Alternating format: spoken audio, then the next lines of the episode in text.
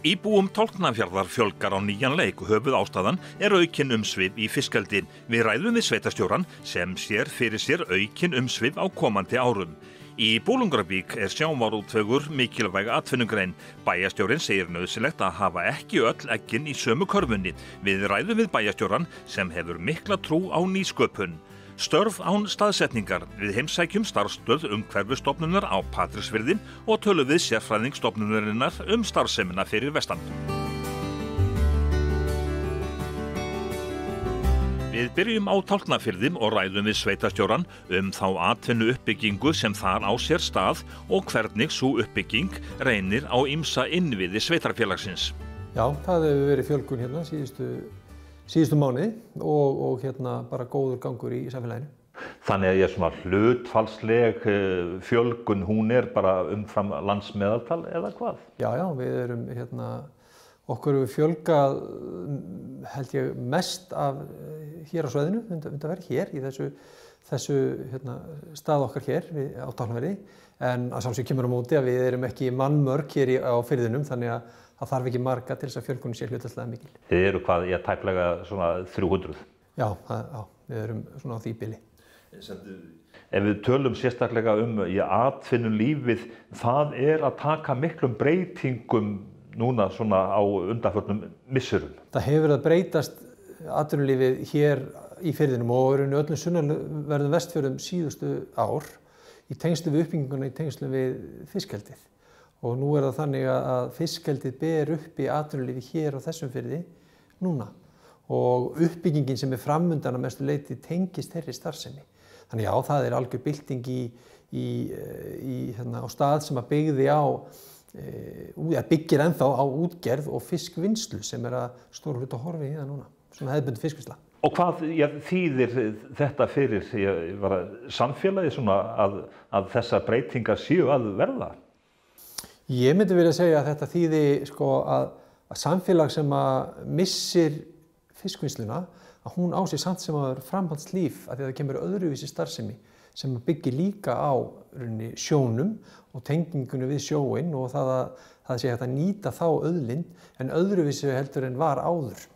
Þannig að hérna, við erum bara að sjá öðruvísi atvinnulíf í þessu samfélagi núna heldur en var og hefur verið fram til þessa þegar maður keiður hérna niður í fjörðin þetta eru miklar byggingar. Hérna eru sem sagt uh, seiðiseldið Já, seiðiseldið fiskjöldistöðunar ala upp seiðisinn hér í þessum fyrir, það eru góðar aðstæðu til þess hér.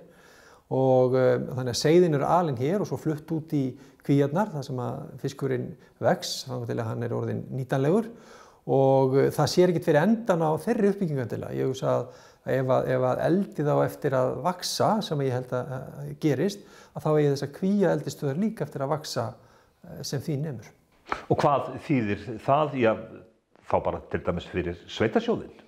Það þýðir mantilega auki tekjuflæði fyrir, fyrir sveitasjóðin af því að auðvitað er það þannig að, að, að starfsemi í sveitafélaginu greiðir sín fastanir gjölda sínum hérna sínu sín húsnaði til, til sveitafélagsins.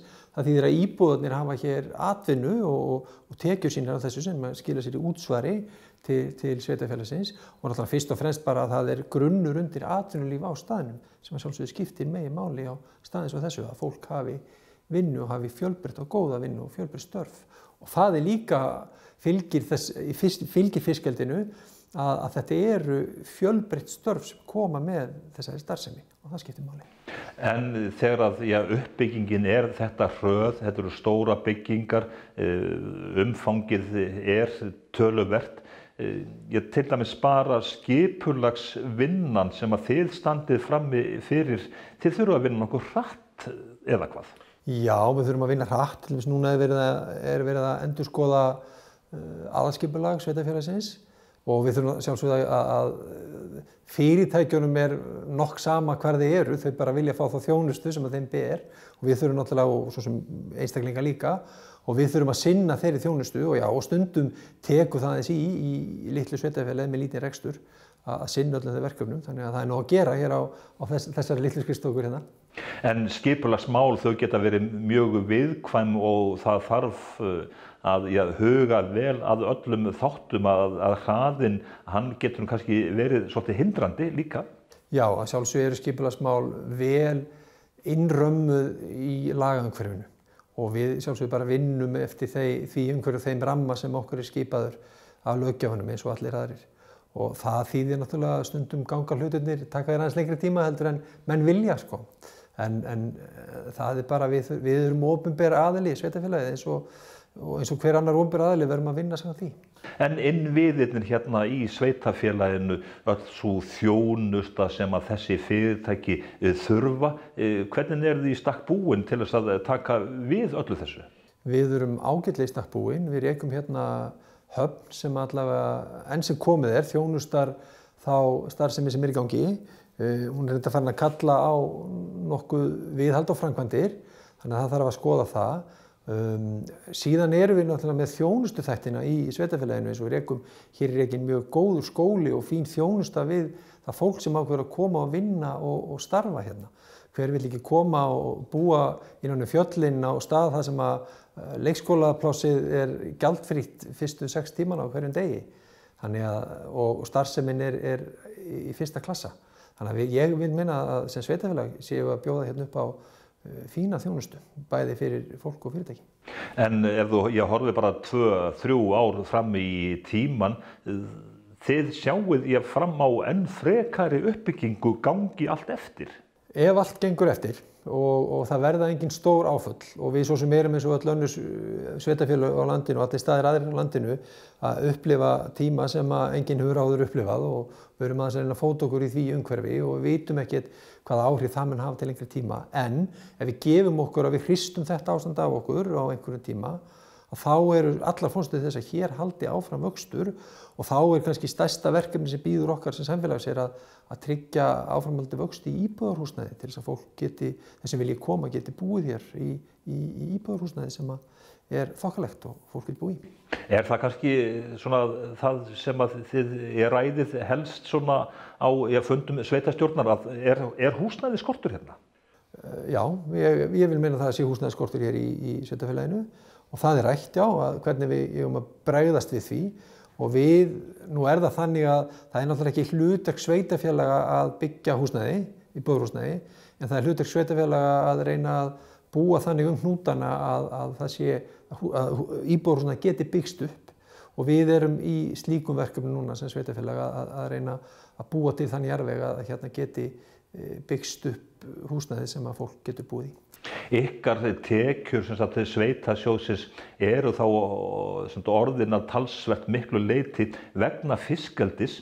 Þetta er ég til dæla ný atfinnugrein. Hvernig er regluverkið svona almennt? Er það að fungera alveg? Eru allar línur skýrar í hvað var það gjaldskrár og svo framvegis? Nei, allir við séum ekki svona eins og fyrsta kynslu á rámaspílum að hérna við, það er tölur vinna sem að, að eftir að eiga sér stað til, til þess að þetta sé í þokkalögu lægi. Það er að segja gráu og með smittli sveitafélags og fiskildisfyrirtæki eru bara of mörg eins, eins og staðin er í dag. Og það kemur til að þetta er nýr atvinnuvegur og bara til dæmis í rekstri hafna að, regluverkið og löginni kringum hafnir miðast við flutninga á vörum, flutninga á, á hérna, fólki eða flutninga á, á veitum afla út á sjó. En, en regluverki í kringum sko, fiskeldistar sem, sem er öðruvísi er aðeins óljósara. Þannig að þarna er bara verk að vinna bæði hjá okkur hjá sveitafélagunum, hjá ríkisvaldinu og sjálfsögum með aðkomið þessari fyrirtækja að greiða úr og koma þessum málum í, í þokkalast ástanda því að auðvitað þannig að við hjá sveitafélagunum viljum hafa okkar tekjur af starfseminni og fyrirtækin vilja sjálfsögur gera hlutin eins hagkvæmt að þau geta en þó þannig er allra hagur að þetta sé skýrt og bara uh, við séum ekki eigða orkun okkar í að, að rífast um hvað sé rétt að borga og hvað sé rátt að borga fyrir einhverja þjónustu sem við veit. Hvað já, með til dæmis, eru þið að fá skatt, tekjur til dæmis af flótkvíunum sem eru hérna fyrir utan? Þetta eru þó nokkuð mikil já, mannvirki getur við sagt. Þetta eru mikil mannvirki og ef að fólk fer bara hérna um fjörðinu og lítur yfir þá hefur þetta, uh, þetta, þetta setur svip á umhverfið uh, en nei, uh, sveitafjölun er ekki að hafa tekjur af kvíunum út í fjörðunum. Engar. Finnst þér að sveitafjölun ættu að hafa tekjur? Já, mér finnst það.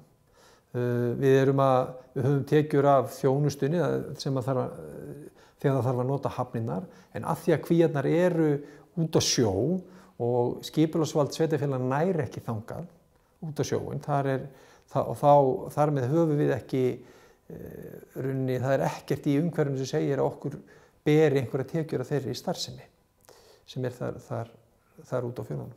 Uh, hafið þið ja, sveitar uh, stjórar eða sveitar stjórnir sem eru á sama báti, hafið þið rætt þetta eitthvað sérstaklega, getur við svona, já, líkt þessu við fasteirnagjöld? Já, sjálfsög, þetta er kannski svipuð umræða og fólk hefur heyrt um, um vindmilur sem er rýsa og, og, og, og það vantar svolítið, eða hefur til þessa, frá þessu vantað lagaramanni utan á vindmilunar, svona einhverju einskísmesslandi og eins er með með sjókvíeldið, það þarf að reynsa til á þessu borði. Og sjálfsögðu er samtali gangi bæði milli, sérstaklega milli sveitafélagana og, og, og við þurfum rauninni að, að mínum að við getum gert betur í því að, að taka það samtal áfram svo að, svo að, hérna, svo að það sé ekki þessi, þessi eitthvað óljóst eða eitthvað svona á gráu svæði okkur á milli, milli fyrirtækja og sveitafélaga. En heilt yfir svona sveitastjórnin á Tálknafyrði og sveitastjórnin, þið eruð björnsinn?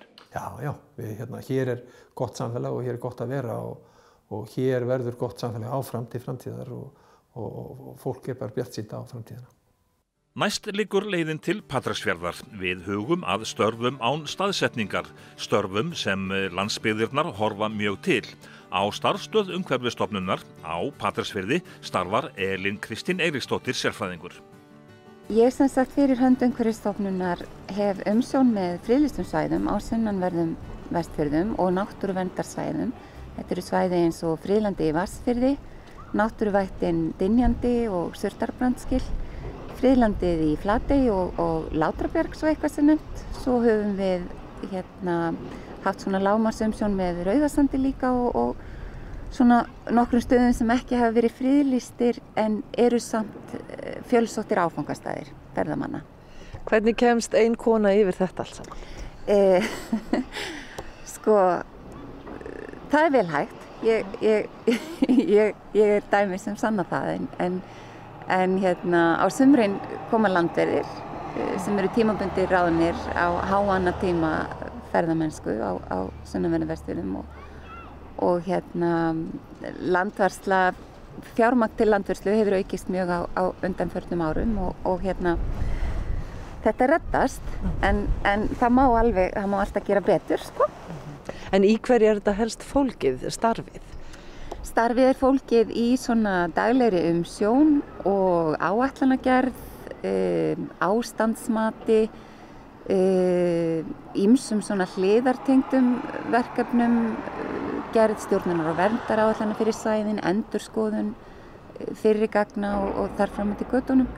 Og svo eru einnig ímis svona hliðarverkefni eins og, eins og hérna svona verkefni sem að ganga heilt yfir umhverfis stofnun og við vinnum starfstöðan að vinna í, í samstarfi eða teimin innan einhverju stofnunar. Mm -hmm. Hvað er það staðista sem þið eru að takast á við í þessu núna, akkurat sem þið standið fram með fyrir núna? Það er, núna eru uppi hugmyndir um að stopna þjóðgarð á vestjörðum og það hefur hlindast að vinnu með, með sam, samstarfsnemnd þjóðgarðs á vestjörðum.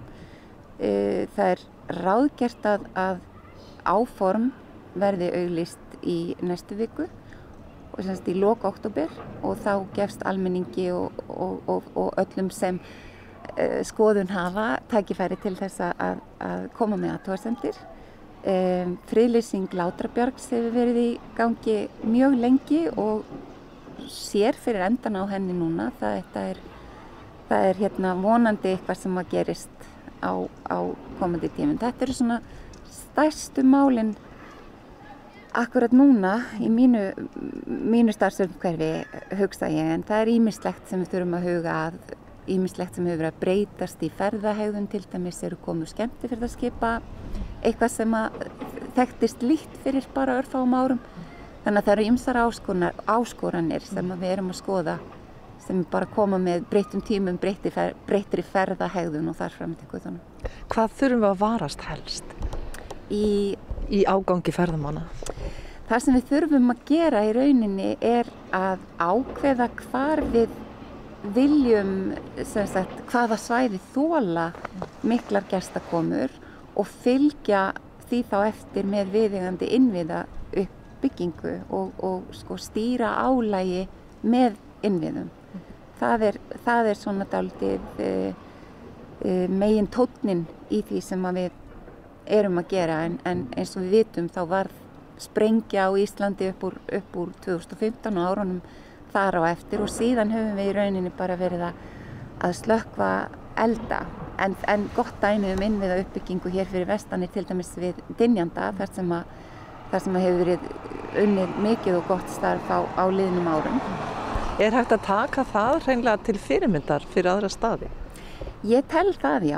Við erum, bæði erum við að, að vinna upp uppsafnaða þörf á innviða uppbyggingu við Dinjanda. Þetta er eitt fjölsótasti ef ekki fjölsótasti ferðamannastæður, áfokastæður ferðamanna á vestfjöðum og einni erum við að undirbú okkur undir það að, að þegar að öllum vegabótum í nágrunum verður lokið bæði í Guðvudalssveit og á Dinjandiseiði að þá verður Dinjandi heilsás áfangastæður og, og vegagerðin gerir ráð fyrir því að umferða millir Vesturlands og Vestfjörða færist að miklu leiti úr djúpi og, og yfir á Vestfjörðaveg þannig að við erum, við erum Við erum að undirbú okkur og, og dinjandi fóra af appelsínugulum lista yfir, yfir að vera, vera græntsvæði. Stendur mjög vel og stert núna. Nú eru margir sem tala um að vesturðir eigi mjög mikið inni í ferðamennskunni. Er það eitthvað sem að, þú í þínu starfi óttast? Þetta er alltaf auðvitað dálítið sko, umhugsunar efni að að við viljum efnahagslegu áhrifin sem fylgja ferðamönnum en á sama tíma þurfum við að gæta vel að, að náttúrunni og því að ágangur á viðkvæmi náttúru verði ekki of mikið en, en það er svo auðvelt að gera það með, með þessari innviða uppbyggingu mm -hmm. að búa til innviði fyrir ferðamenn leggja stíga, upplýsa með skiltum uh, hafa góða og virka landvörslu og þar fram til göttunum þannig að eins og segir sko vestfyrðir eiga inni við erum á ádalgu jæðarsvæði í ferðamennsku en hérna það, hefur, það sést ekki á, á tölum að við höfum dalað neitt undan farin ár. Þannig að nei, ég, ég hef ekki stórar áhugjur, ég held að þetta geti vel farið saman ef að vel er haldið á spöðunum. Frá Patræsverði liggur leiðin til Bólungarvíkur Jón Páll Hreinsson er bæjastjóri þar. Sko, það er, það er náttúrulega mjög sterkur sjáurútver í, í Bólungavík og hann er, er mjög mikilvægur og mjög stór hluti að aðdunluðinni hér í Bólungavík. Við erum með sterka fiskvinnslu, við erum með sterka útgerð og uh, við erum ótrúlega, eins og sjáurútverðin er bara á Íslandi, fyrirtæki sem að hafa aðlega sér hratt að því ástandi sem við erum í núna og uh, ég sé bara hvernig sjáurútverðin hefur verið að, að styrka sig hérna í Bólungavík. En síðan er ekki síður mikilvægt að við erum með uh, önnur fyrirtæki sem að auka fjölbreytnina, fleiri egg í korfinni eins og mjölkuvinslan Arna sem er að stekka stöðut og gaman að sjá hvað Íslandingar taka vel á móti eh, grískri jógurt með vestfískum bláburum er ótrúlega gott. Uh, einhver sem er að horfa þetta hefur ekki pröfað þá það hefur ekki lifað fyrir þú hefur pröfað þetta. En síðan sko talaðu um eggin í korfinni þá er þessi litlu drópar sem að skipta okkur rosalega miklu málum sem eru bara þessir einstaklingar sem að geta flutt störfin með sér, er að vinna á netinu eða er að vinna í ofnbjörðu stofnunum eða stórum fyrirtækinum sem að eru bara miklu opnar fyrir því að starfsfólk frái að flytja störfin með sér og ég sé fjölskyldur uh, 5, 4, 6 mann sem er að koma, flytja til bólingaugur koma með uh, annað, annað fóruldrið flytja starfið með sér og þetta skiptir okkur rosalega miklu máli. Ekki bara út frá börnunum í skólunum og, og, og menningun og mannlefinu sem þessar fjölskyldur kom með, heldur líka bara að segja okkur að það eru tækifæri. Það eru tækifæri fyrir okkur sem samfélag til að þróast áfram með þessum litlu uh, tækifæri, með þessum, þessum einu og eina starfi sem að fólki flytja með sér, ekkert endilega úr Reykjavík, annar starf á landinu, einhver starf út ennur heimi. Uh, En það þarf að vera vilji innan sveitafélagsins til þess að koma auga á þessi tækifæri og kannski rekta þau. Hvernig farið þið að því? Þið eru lítið og fáment sveitafélag. Já, við erum mjög sterk að trú á nýsköpun og ég er persónulega mikla trú á nýsköpun.